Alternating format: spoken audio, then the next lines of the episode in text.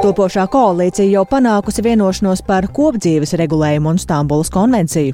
Pēcpusdienā skaidrosim, ko vienošanās paredz un cik ātri saimā to plāno pieņemt. Varētu vismaz sakārtot to tiesisko regulējumu, lai šādas maisaimniecības nu, nebūtu diskriminējošā stāvoklī. Pirms gaidāmā G20 valstu samita lūkosim, vai pasaules attīstīto valstu līderi bez Krievijas un Ķīnas vadītājiem spējas vienoties par Ukrainas klimatu un ekonomikas jautājumiem. Un eh, kamēr basketbolisti pirms rītdienas principiālā dueļa ar Lietuvu ievelk elpu, mūsu futbola valsts vienība gatavojas izbraukumā cīnīties pret spēcīgo Horvātijas izlasi. Arī šo gaidāmo spēli analizēsim raidījumā pēcpusdienā kopā ar mani Dāci Pēkšēnu.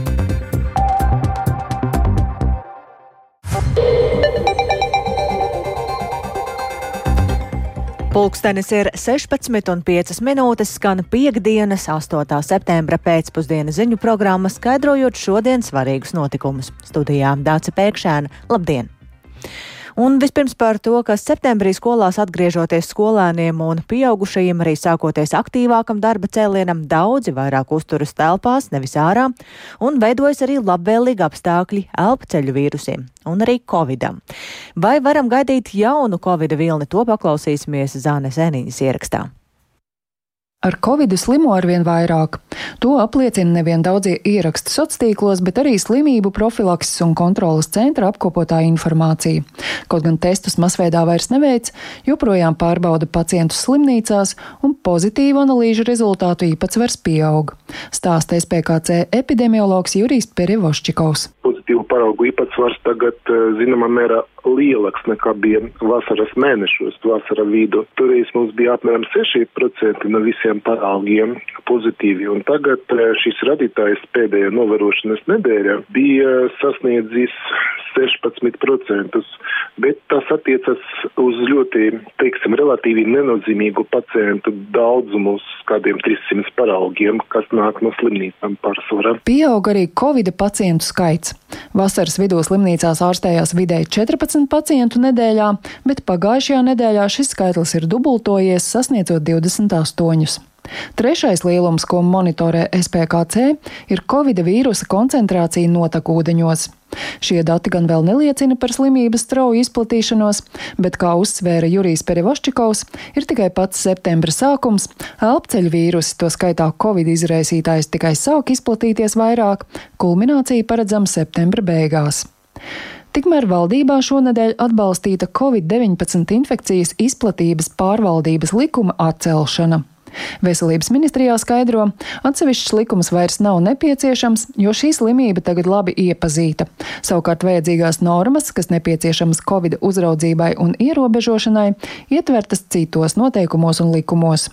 Turpina veselības ministrijas pārstāve Jana Feldmane. Protams, kad uh, vakcinācija, ja, tātad viss šis regulējums attiecībā uz to, ka valsts nodrošina vakcīnas sabiedrībai šita vakcīnu reģistrācija e-veselībā.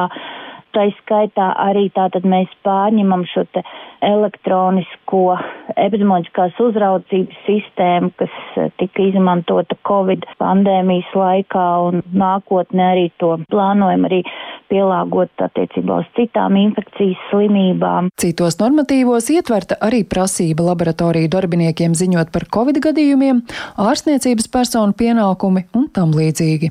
Zāna Eniņa, Latvijas radio. Es tikai piebildīšu, ka Latvijā, tāpat kā citur pasaulē, pat laban joprojām izplatās Covid vīrusa omikrona paveicīgs BB15, un tas ir samērā lipīgs, simptomi ir sāpes kaklā, klepus, galvas sāpes, arī paaugstināta temperatūra un visai slikta pašsajūta. Vakcīna, kas pielāgota tieši šim vīrusu variantam, Latvijā būšot pieejama oktobrī, un slimība profilakses un kontrolas centrs potēties iesaka riska grupu pacientiem, vecākiem cilvēkiem, hronisku slimību pacientiem un grūtniecēm. Turpinām ar gada inflāciju. Augustā Latvijā tā sarukusi līdz 5,4%. Vēl pirms mēneša gada inflācija bija 6,4%. Tā liecina jaunākie dati, ko esam šodien uzzinājuši no Centrālās statistikas pārvaldes. Savukārt preču un pakalpojumu cenas salīdzinājumā ar jūliju ir samazinājušās par 0,6% un lielākā ietekme uz patēriņu ceņu līmeņa izmaiņām ir bijusi pārtikai un bezalkoholiskajiem dzērieniem, kā arī ar mājokli saistītām precēm un pakalpojumiem. Komentēt šos datus lūgsim Svetbanka galvenajai ekonomistei Līvai Zorganfrejai, kura šobrīd ir pie mūsu telefona klausulis. Labdien! Labdien! Ko varam teikt par inflāciju 5,4%? Vai tas kritums ir tāds, kā to gaidījām, vai tomēr netik strauji kā cerēts inflācija atkāpjas? Nu, patiesībā jāsaka tā, ka mēs gaidījām pat nedaudz straujāku šo kritumu inflācijā, eh, bet nu, virziens kā ir pareizais. Un kas, eh, protams, eh, galvenie tie noteicošie faktori, kā jau jūs teicāt, pārtiks produkti vilka inflāciju uz leju, galvenokārt pateicoties zemākām svaigu dārzeņu cenām, rāža ir ienākusi jaunā. Otrs tas faktors, kas virzīja inflāciju leju, bija zemāki ar mājokli saistītie izdevumi, tātad rēķini par elektrību, ap, teiksim, apkuras izmaksas, kas inflācijā iet iekšā neatkarīgi no tā, vai mēs realitātē maksājam par apkuru vai nē. Bet savukārt, kas teiksim, virzīja inflāciju uz augšu, bija degvielas cenas, kas ir pieaugušas par 6,6% pret jūliju. Tas lielā mērā saistīts ar pasaules naftas cenām, kas ir augušas tādēļ, ka Saudārābija un Krievija ir nu, paziņojušas par to, ka turpinās ierobežot savu naftas iegūs tempus un apjomus līdz pat gada beigām. Un tas ir nu, nu, uzreiz atspoguļojas arī īstenībā mūsu degvielas izpildes stacijās un, un tajā, ko mēs redzam arī inflācijā, diemžēl. Un tas nozīmē arī tieši degviela varētu būt tas iemesls, kādēļ tā inflācija nav kritusies tik strauji kā cerēts. Nu, tā, tā šobrīd izskatās. Jā. Nu, ir pozitīvās ziņas, ir vēl tādas, ka um, ka pakalpojumu cenās, pretēji tam, ka mēs visu laiku esam redzējuši, ka pakalpojumu cenas ļoti strauji turpina tomēr pieaugt, tad augustā ir, tas ir nu, tāds izņēmums bijis un pakalpojumu cenas ir kritušās. Bet, ja paskatāmies, kas lācītam vēderā, tad izskatās, ka lielākais noteicošais faktors ir bijis, ka avio biļešu cenas ir kritušās, un kas parasti nu, šā, šajā mēnesī augstā parasti ne, nenotiek tik, tik izteikti. Tā kā vai tas liecina par kaut kādu izmaiņu tiešām pakalpojumu cenu dinamikā, es pašlaik teiktu, ka drīzāk es lietos domāt, ka nē. Līdz ar to visdrīzāk pakalpojumu cenas tomēr nākamajos mēnešos nu, turpinās nu, drīzāk tādu augšupvērstu tendenci. Ar kādu skatu tad um, mēs varam raudzīties tajā nākotnē, un kā jūs teiktu, vai līdz gada beigām tos inflācijas datus vairāk ietekmēs šie vietējie vai tomēr globālie notikumi? Nu, jāsaka tā, ka uh, gan vietējie, gan globālie notikumi inflāciju var ietekmēt. Uh, līdz šim mēs visu laiku tas tāds bijis tāds, ka globālās cenas uh, sarūk, un līdz ar to ir šī, ir šī pozitīvā ietekme, ka uh, globālo cenu dēļ inflācija arvien atkāpjas un atkāpjas. Bet inflācija ir nedaudz kā meža ugunsgrēks, it kā virspusēji tas ir apdzēsts, bet apakšā vēl kaut kas grūst. Un uh, šī grūzdēšana ir uh, tas, kas notiek pamatinflācijā. Ekonomikā iekšēji uh, ir tāds cenu kāpums spiediens no pakalpojumu sektora, no tiksim, preču, raž, saražoto preču sektora un tā tālāk, kur joprojām tas, pavisam tas inflācijas spēks nav apdzēsts. Un, ja mēs redzam šādus kāpumus, piemēram, pasaules naftas cenās, kādu mēs šobrīd arī redzam, tad ir ļoti lielas iespējas, ka atkal šis inflācijas liesmas uzvirmo. Un, tas ir, protams, risks ejot uz priekšu. Bet tā kopumā, domājot, mūsu prognozes ir par to, ka inflācija turpina tomēr samazināties līdz pat gada beigām. Arī mēs redzam ar vienu, ar vienu patīkamākus inflācijas un zemākus tempus. Un gada beigās tas varētu būt jau ap diviem procentiem vien tā šī gada inflācija. Nu jā, tā ir jārunā arī, ka tas globālais pieprasījums tomēr tomēr krītas. Bet, ja tā apkopojam, tad uh, inflācija tuvākajā laikā tomēr nu, mazināsies, bet uh, nu, cenas uh, turpinās kāpt, es tā saprotu. Uh, nu, ir uh, preču grupas, kurās uh, cenas mazinās un arī turpinās mazināties. Teiksim, pārtikā, kur uh, pārtikā uh, mēs gaidām, ka preču cenas to, uh, turpinās tomēr samazināties arī tuvākajos mēnešos. Uh, cenas, kas ir par uh, teiksim, apkuri, arī turpinās samazināties turpmākajos mēnešos. Uh, bet tā uh, kopumā nu, varētu būt daži mēneši ar, ar, ar cenu, vispārējā cenu līmeņa kritumu, uh, bet nu, mēs neprognozējam tādu ļoti plaši izplatītu deflāciju inflāciju uh, uz priekšu ejot. Un, protams, šie riski, kas nāk no pasaules naftas cenu uh, kāpuma, tie uh, nozīmē, ka varētu būt, ka šīs cenas tomēr nekrīt tik ļoti, kā mēs gaidījām, un varētu, uh, varētu pat augt. Jā. Paldies par vērtējumu Svetbanka galvenajai ekonomistei Līvai Zorganfrejai.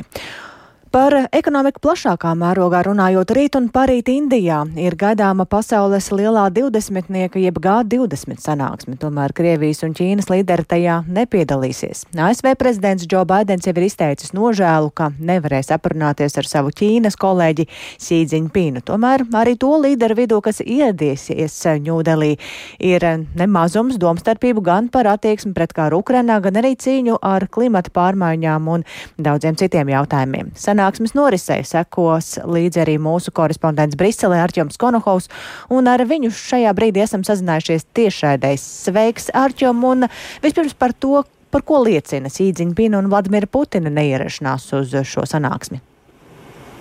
Labdien, daudz labdien, klausītāji! Tik tiešām abu līderu neierašanās eh, par daudz ko runā, un eh, tas ir viens no tādiem visapspriestākajiem jautājumiem šobrīd.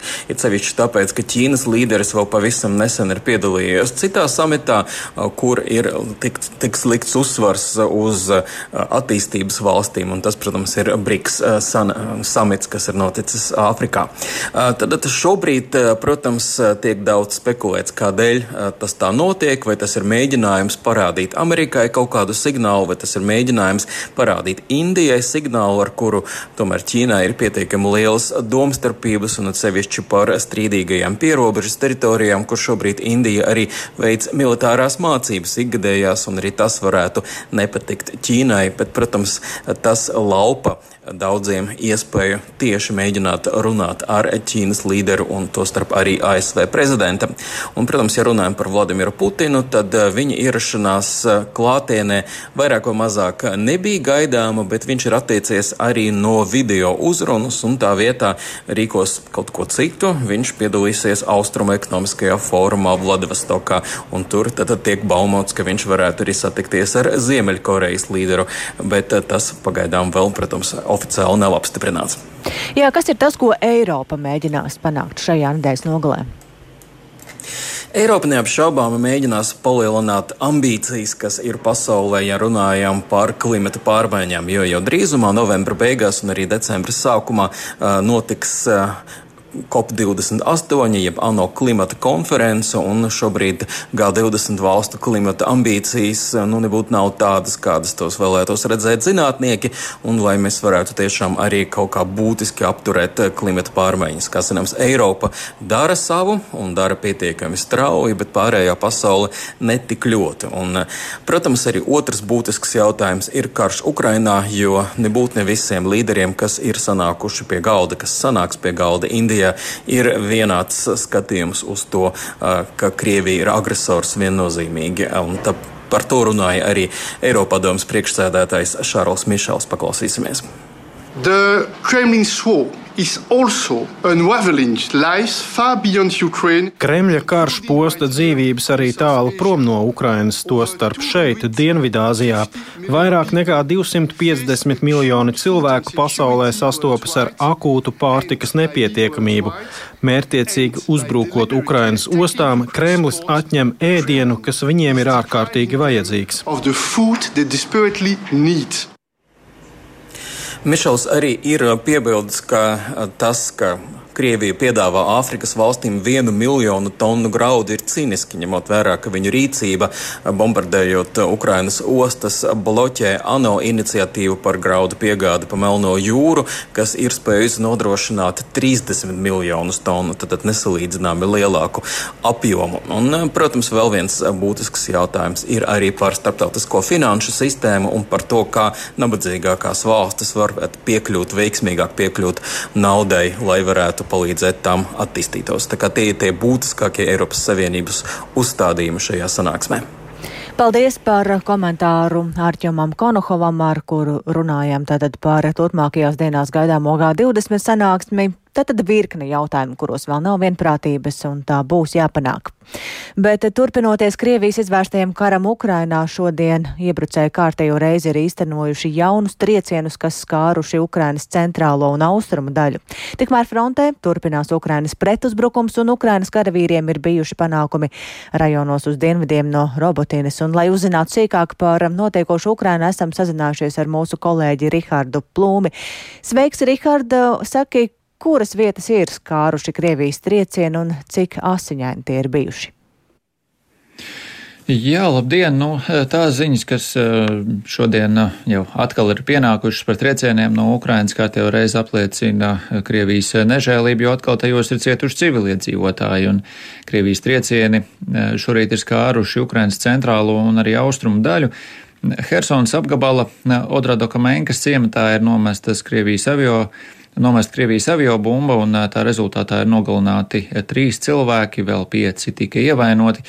Iekšlietu ministrs Igors Klimenko jau nosauca šo triecienu par kara noziegumu, un konkrētais ciems atrodas apmēram 60 km uz ziemeļiem no Helsinas pilsētas un atrodas Dņepras upes eh, rietumkrastā. Eh, tikmēr Krievijas centrā prezidenta Valdemira Zelenska dzimtajā pilsētā tur Krievijas raķešu uzbrukumā policijas ēkai ir nogalināts viens policists un vēl vismaz 60 cilvēki ir ievainoti. Vairāk cilvēki arī no tiem ir smagā stāvoklī. Kopumā triecienā ir cietušas arī trīs administratīvās ēkas un septiņas dzīvojamās ēkas, tostarp kāda augsts celtne. Un vēl vismaz trīs cilvēki tika ievainoti pēc tam, kad Krievija veica triecienu arī Sumu pilsētā Ukrainas ziemeļaustrumos. Savukārt vēl viens vīrietis arī ticis ievainots raķešu uzbrukumā Zaporīžjai, dienvidu austrumos. Dace? Jā, nu par Krievijas triecieniem um, dažādiem objektiem Ukrainā visu vasaru mēs dzirdējām teju katru dienu, bet uh, tuvojas tas gada augstais periods un atceroties pagājušo gadu, tad droši vien arī šajā gadījumā varam gaidīt triecienus arī pa enerģētikas infrastruktūru. Jā, šādi triecieni patiešām ir sagaidāmi, un lai gan Ukraina pēc pagājušajā ziemā šiem te piedzīvotajiem triecieniem ir arī cītīgi strādājusi pie tā, lai atjaunot energoinfrastruktūru, tomēr visu nav vēl izdevies atjaunot, un Ukrainas aizsardzības ministrijas galvenās izlūkošanas pārvaldes pārstāvis Andrijs Jusovs norādījis, ka Krievijas iebrucēja rudenī un ziemā uzbruks Ukrainas enerģētikas objektiem un darīs to gan ar raķetēm, gan arī ar droniem. Tātad uh, arī būs šādi kombinēti uzbrukumi pēc viņa domām. Savukārt plānu šiem uzbrukumiem pēc viņa teiktā izstrādās gan dažādi enerģētikas speciālisti, gan kara noziegumos iesaistītas personas un arī agresoru valsts militāra politiskā vadība. Enerģētikas ministrs Germans Galščenko iepriekš ir vērsis uzmanību uz to, ka Ukrainas enerģētikas infrastruktūra tiek sagatavota efektīvai darbībai ziemā, un attiecīgās institūcijas ir gatavas ātri reaģēt uz iespējamām ārkārtas situācijām, un jādomā, ka tādas patiešām arī būs gada augstajā laikā. Dāca. Jā, bet, ja mēs runājam par situāciju frontē, kas par to tiek vēstīts un kādi Ukrainai ir panākumi? Jā, nu pretuzbrukums turpinās, un ģenerālštāba pārstāvis Andrijs Kovaļovs norādījis, ka Ukrainas karavīriem ir bijuši panākumi rajonos uz dienvidiem no Robotīnas, karavīri arī turpina uzbrukuma darbības uz dienvidiem no Bahmutas, un tur arī nostiprinās sasniegtajās robežās. Tāpat arī turpinās centieni atturēt Krievijas karaspēka uzbrukumus ap Dievas un Marģinkas virzienos, un vairākās vietās Krievijas uzbrukuma darbības nesot bijušas sekmīgas, turklāt arī aizsardzības spēki turpina atturēt Krievijas karaspēka uzbrukumus Kopjānskas, Limanas un Bahmutas virzienos. Un vēl jāmin, ka ASV Karstudiju institūta jaunākajā apskatā par situāciju frontē tiek norādīts, ka Ukrainas bruņotie spēki pretuzbrukumā valsts dienvidos sekmīgi novājina ienaidnieku armiju un līdz gada beigām varētu gūt operatīvus panākumus.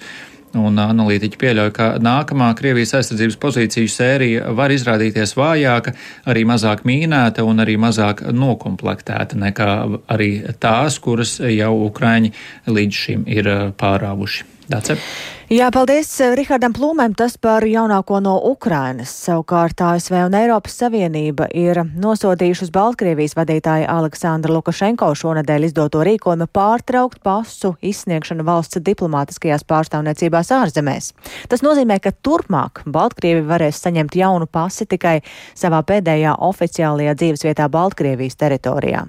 Tā ir Lukašenko režīma pēdējo gadu stingrākā vēršanās pret ārvalstīs dzīvojošiem Baltkrieviem un Baltkrieviem. Baltkrievijas opozīcijas līderis Svjatlānas Cihaunauskas komanda strādājot pie tā, lai ārvalstīs dzīvojošie Baltkrievi varētu saņemt alternatīvus dokumentus. Vairāk par to stāsta Uldis Česberis. Vakar spēkā stājās Baltkrievijas vadītāja Aleksandra Lukašenko pirmdien parakstītais rīkojums, kas paredz, ka turpmāk Baltkrievijas vēstniecības un konsulāti nevarēs izdot pilsoņiem jaunas pases vai pagarināt esošās. To varēs izdarīt tikai Baltkrievijā. Rīkojums arī nosaka, ka Baltkrievijas diplomātiskās pārstāvniecības vairs neizsniegs un neapstiprinās dzimšanas un laulības apliecību, kā arī augstākās izglītības diplomu kopijas. Šie dokumenti ir nepieciešami ārzemēs, lai pretendētu uz tiesībām tur dzīvot, iegūt darbu un sūtīt bērnus izglītības iestādēs. Ar šo rīkojumu Lukašenko var būtiski ierobežot dzīvi tūkstošiem Baltkrievijas pilsoņu, kuri ir pametuši dzimteni baidoties no iespējamām režīma represijām. Trimdā dzīvojošā Baltkrievijas opozīcijas līderes Jatlana Cihanovska paziņoja, ka šādi Lukašenko režīms atriebjas saviem oponentiem un izdara spiedienu uz valstīm, kurās viņi ir guvuši patvērumu. Politiķi arī aicināja tautiešus neatgriezties Baltkrievijā, lai saņemtu jaunus dokumentus, jo tādējādi viņi apdraud savu drošību. Cihanovskas veidotā Baltkrievijas trimdas valdība izstrādā jaunas pases, kuras nākamā gada sākumā varētu saņemt ārvalstīs dzīvojošie Baltkrievi. Cihanovskas vecākais padomnieks Franaks Vjačorka atzina, ka jaunu Baltkrievijas pasu izsniegšana un to startautiskā atzīšana nav viegls uzdevums.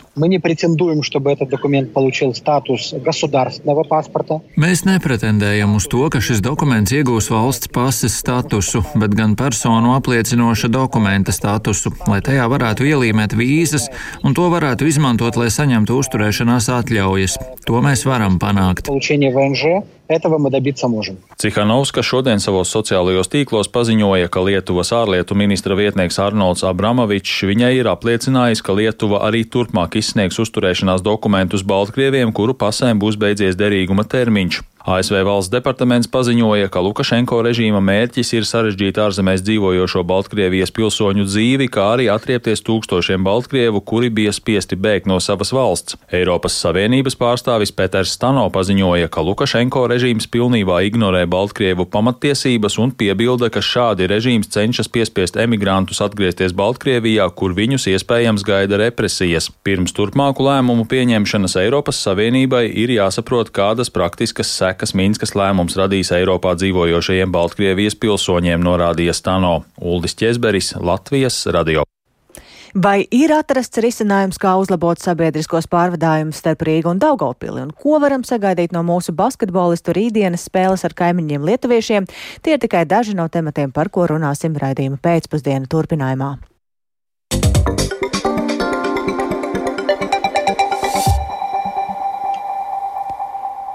Visi topošās koalīcijas veidotāji apņēmušies nekavēties ar kopdzīves regulējumu un Stambuls konvencijas ratificēšanu. Skatīšanai saimā šos likumprojektus plānots iesniegt uzreiz pēc jaunās valdības apstiprināšanas.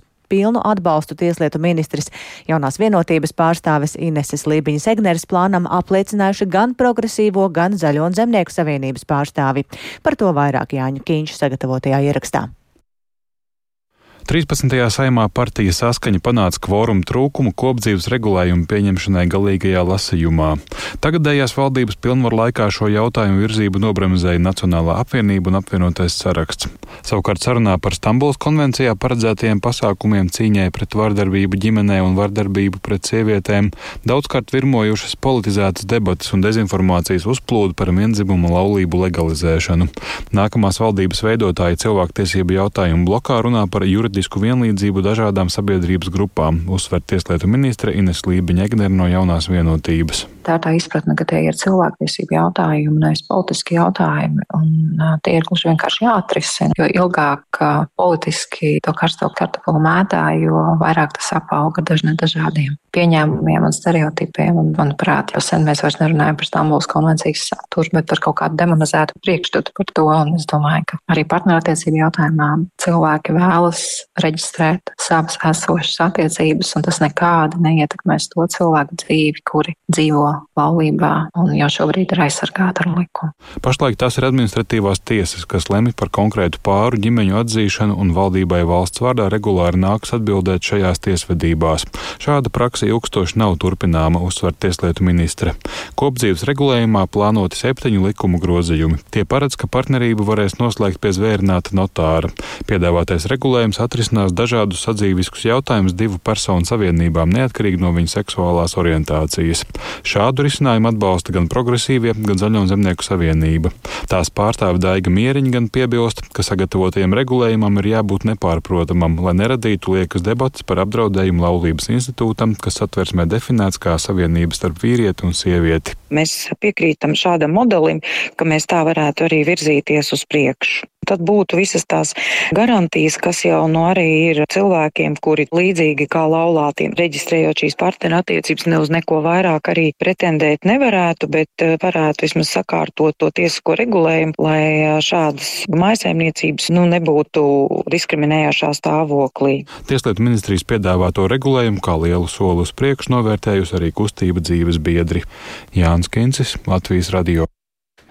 Policijas dati liecina, ka elektroskrējriteņi ceļu satiksmes negadījumos šogad iekļuvuši mazāk nekā pērn. Savukārt uzrunātās slimnīcās norāda, ka cietušo skaits joprojām turpina pieaugt. Kā elektroskrējriteņu sezonu vērtē ārsti un policisti un ko par jauno drošības noteikumu, kas stājies spēkā šomēnes, saka atbildīgie, par to paklausīsimies Viktora Demīdovi reportāžā. Ātri brauc, strauji pagriežas un nobremzē pēdējā brīdī. Rīgas ielās manīti arī pārgalvīgi jaunieši, kuri uz elektroskrējējiņa brauc divatā. Uzrunātie ārsti slimnīcās norāda, ka situācija ar cietušiem kļūst arvien smagāka. Šovasar eh, tie dienā ir kādi 7 līdz 10 pacienti, 3, 4, 5 nedēļā kādreiz ir tādi, kas ir jāstāv jāinjekcionē un jāoperē. Tā saka traumatoloģijas un ortopēdijas slimnīcas galvenais ārsts Uģis Zariņš.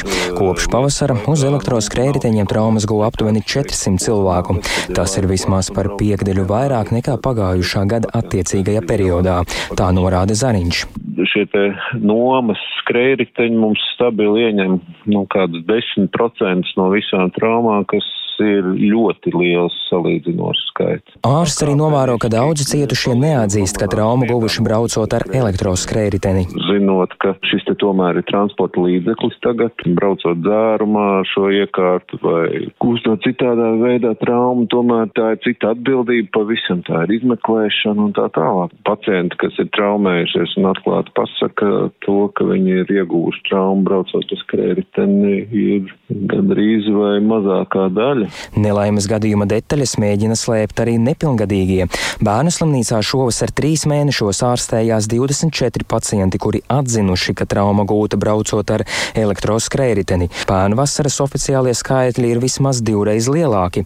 Turpina slimnīcas ķirurgs Jānis Upenieks. Pieļauju domu, ka tas patiesais skaits droši vien ir lielāks. Aizberga redzamā daļa ir šie cipari. Nevis vienkārši nokrita, bet nokrita arī no skūtera vai nokrita no elektroskūtera. Un ja viņam ir 13 gadi, viņš ir kaut kur dzirdējis, ka to drīkst darīt tikai no 14, ka loģiski viņš neizvēlēsies neteikt to, kad viņš to darīs. Nomas elektroskrējritiņu pieejamību Latvijas pilsētā šogad palielinājusies. Tos var izmantot piemēram arī Tukumā un Jēkpilī. Savukārt Cēsīs tie parādījās vien jūlija otrā pusē. Lai gan šajā pilsētā elektroskrējrtiņus jaunieši aktīvi lieto, traumu skaita pieaugumu mediķi nenovēro.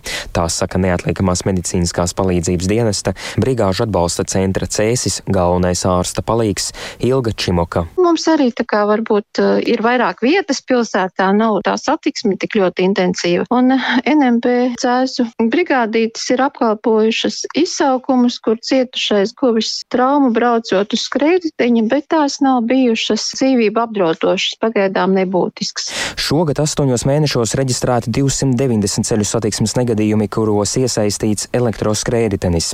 Tas ir vismaz par 30 mazāk nekā attiecīgajā periodā pērn. Šogad arī par aptuveni 30 personām cieta mazāk. Tādi ir valsts policijas dati. Lai gan skaitļi liecina par labu tendenci, likumsargi uzsvēra, ka problēma ir ļoti nopietna. Turpina valsts policijas pārstāvis Arturs Smilga. Par pagājušo gadu gandrīz katrs trešais negadījums, ko mēs saņemam no slimnīcas, ir saistīts ar alkohola lietošanu. Šī ir problēma, un tāpēc arī strādājam, tā teikt, vairāk pievēršot uzmanību šiem elektroskrējēju vadītājiem, veicam vairāk šīs alkohola pārbaudas. Savukārt elektroskrējēji kā drošu rīku uzskata kāds Rīgā sastaptais braucējs. Skūters ir lieliska lieta. Es pār tikai, ja jūs pārvietosieties, jums arī kaut kas var uzkrist virsū, jūs varat sasisties, jums var uzbraukt idiots ar velosipēdu Es domāju, ka velosipēds uz vietas ir uh, vēl bīstamāka lieta. Jāņem vērā, ka no 1. septembra ar elektroskrējēju var braukt tikai ar tiesībām. Pirmajās dienās policija fiksējusi 14 pārkāpējus, kuriem tiesību nebija. Vairums no viņiem bija pilngadīgie. Desmit gadījumos likumsargi izteica brīdinājumu, bet četros piemēroja naudas sodu. Valsts policijā norāda, ka kontroli jāveic arī uzņēmējiem, kas pakalpojumu piedāvā. Latvijas radio sazinājās ar uzņēmumu Bolt, kas ir viens no lielākajiem, kas piedāvā iespēju pārvietoties ar elektroskrējriteņiem. Kā sistēma darbojas un kā viņi pārliecinās, ka lietotājiem ir tiesības, uzņēmumā atbild izvairīgi, norādot, ka galīgu lēmumu pieņem varas iestādes, no kurām pat labam gaida detalizētus norādījumus par tālāko rīcības plānu. Izmēģinot pāris lietotnes, Latvijas radio novēroja, ka uzņēmumi vadītāja tiesības neprasa uzrādīt. Viktors Demidovs, Latvijas radio. Bet turpinot par kādu citu pārvietošanās veidu, interesējāmies, kas notiek ar autobusiem Rīga Daugopils laikā, kad vilcieni ir pārpildīti. Atgādināšu, ka martā likvidēja teju visus autobusu reisus starp Daugopilu un Rīgu. To vietā šajā maršrutā palielināja vilcienu satiksmi dienā pieliekot divus papildu vilcienu reisus.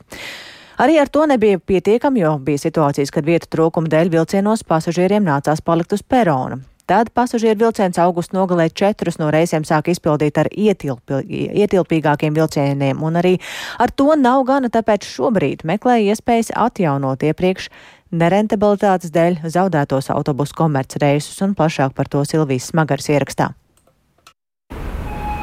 Piecas reizes diennaktī no Dāngāpils uz Rīgu un tikpat daudz atpakaļ var pasažieri doties izmantojot vilciena satiksmi. Plūsma liela. Bija situācijas, kad desmitiem cilvēkiem nācās palikt uz perona vietu trūkuma dēļ. Tā nav laba zīme. Un uh, vakar es skatījos biļetes. Man ir nobrīnīja, ka kādi četri vilcieni tikai dienā ir un viens autobus. Esmu vairāk kārtīgi pieredzējusi situāciju, kad braucu no Rīgas uz Daugopili. Ir tā, ka jāstāv kājās pat līdz ogrei Ēģida Ugre. Šai situācijai tika meklēts risinājums, stāsta Latvijas plānošanas reģiona sabiedriskā transporta nodaļas vadītāja Iveta Dabrovska. Daugopils pilsētas iedzīvotāji sūdzējās, ka netiek uz vilcienu, ka vilciens ir pārpildīts jā rīta. Direkcija norēģēja ar pasažieru vilcienu un pielika papildus vagonus. No 310 sēdvietām kļuva vairāk uz 420. Paralēli dažas dienas nedēļā starp Rīgu un Dāngāpili kurs arī komerci autobusus. To veids pārvadātājs Dāngāpils autobusu parks, stāstot, cik šie reisi tiem ir neizdevīgi, parka pārstāvis Arcams Vengrēvičs. Tā kā dotācijas no valsts nav, par to maršrutu, bet pēc likumiem mēs pārvadājam visu atlaižu kategoriju pasažierus. Otrais moments, protams, visu energoresursu un cenu sadardzinājumu, jā, jo mēs arī nevaram baigi pacelt bilešu cenas, jo tā gada mēs vispār nebūtu konkurentspējīgi ar pasažieru vilcienu. To, ka tās ir problēmas pārvadātājiem atzīst Latgales plānošanas reģionā, kas veids pārunas ar autotransporta direkciju. Turpina Iveta Dubrovska. Viņiem nav izdevīgi tādēļ, ka brauca arī invalīdi, pensionāri, daudz bērnu ģimenes, jā, kuriem ir nulles biļeti. Autobus it kā ir pilns, bet viņi par to nesaņem neko. Un šobrīd, nu vismaz tajā sanāksmē izskanēja, ka domās kaut ko par kompensējošiem pasākumiem, kuri nemaksā par biļetēm. Teiksim tā, mēs esam gatavi pamēģināt vēlreiz, jā, pieteikties. Dāngāpils autobusu parks gatavs turpināt šos komerc pārvadājumus, bet ar saviem komerc noteikumiem, uzsver parka pārstāvis Ārcams Vengrēvičs ar nosacījumu, vai būs saņemtās kaut kādas dotācijas no valstī ja, par to atlaižu kategoriju pasažieru pārvadāšanu, vai būs grozījumi mūsu līkumos, ja, kur būs paredzēts, kā pārvadātājs, viņš pats nosaka cenu jebkādai pasažieru kategorijai. Ja? Šie faktori nonākuši atbildīgo institūciju redzeslokā un tiek meklēti risinājumi. Latvijas rādio apliecina valsts autotransporta direkcijas pārstāvis Jānis Lagsdons šāds likuma projekts principā ir izstrādāts, ir notikusi tā publiskā apspriešana un tuvākajā laikā tad arī tiks virzīts šāds likumdošanas izmaiņas. To pavadīs likuma projekts arī par biļešu cenām vilcienos Rīga Daugāpils virzienā, kam būtu jāmazina konkurētspējas ar vilcienu un autobusu pārvadātājiem, saka Jānis Laksdons. Šie vilcieni ir maksimāli piepildīti jau Rīgas tūmā. Uz tuvāko sabiedriskā transporta padomu sēdi tiks virzīts priekšlikums par uh, papildus maksas ieviešanu tiem, kas pērk biļetes tikai no pierīgas zonā, no Rīgas līdz Lielvārdai. Šobrīd sabiedriskā transporta kursēšanas sakārtošana starp Dāngāpulu un Rīgu paliek valsts pārvaldības rokās. Silvija Smagra, Latvijas radio studijā Latgalē. Bet nu gan par sportu un pasaules kausa basketbolā. Kamēr mūsu basketbolistiem šodien brīvdiena un iespēja atjaunoties pirms rītdienas spēles par piekto vietu, šodien noskaidrojas, kuras komandas spēlēs finālā. Serbijas un Kanādas spēle jau ir noslēgusies ar Serbijas uzvaru 95 pret 86, un šobrīd izšķiras, kas būs Serbijas pretiniece cīņā par zeltu - ASV vai Vācija. Un šobrīd pēc pirmā puslaika rezultāts 60 pret 59 ASV labā. Bet cīņa pietiekami sīva un tā turpinās. Savukārt mūsu basketbolistiem spēle rīt pret nevienu citu kā mūsu kaimiņiem, lietuviešiem, un iepriekš redzījumā pusdienas lūdzu kolēģim Mārim Bergam komentēt, kā viņš vērtē mūsu motivāciju šajā duelī un to, vai lielāka nozīme ir tam, ka spēlējam pret par piekto vietu pasaulē, vai arī tas, ka pretiniekos ir kaimiņi lietuvieši, un paklausīsimies viņa teikto. Šie abi apstākļi ir pietiekoši labs motivators, jo spēlēšana pasaules kausos Latvijai nebūtu nav ikdiena pretstatā tiem pašiem lietuviešiem, kas piedalās teju visos lielajos basketbola turnīros, tajā skaitā pasaules kausos, olimpiskajās spēlēs un tā tālāk. Mūsējiem šī ir pilnīgi jauna pieredze un iespēja iegūt piekto vietu pasaulē nerodas tik bieži. Paši spēlētāji arī uzsver, ka ir motivēti turnīru pabeigt ar uzvaru, it īpaši, ja spēle ir pret Lietuvu. Tur vispār nebūtu jābūt kādām šaubām par motivāciju abās pusēs. Mūsējie vēlēsies ierādīt vietu lietuviešiem, un arī Lietuva grib piebremzēt latviešus, atgādinot, kurš tad īsti ir saimnieks Baltijas basketbolā.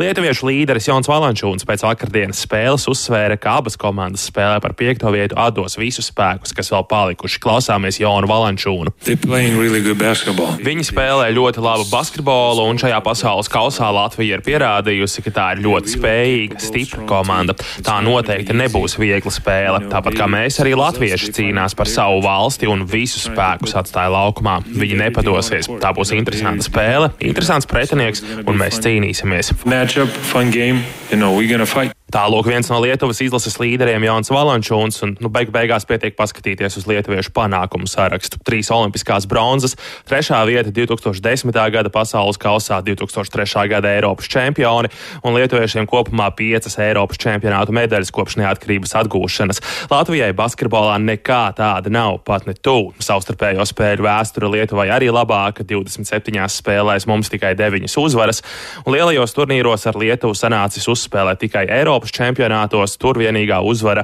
pēdējo 30 gadu laikā padevās 2001. gadā. Pēdējās divas spēles Eiropas čempionātos 2013. un 2015. gadā toreiz uzvarēja Lietuva.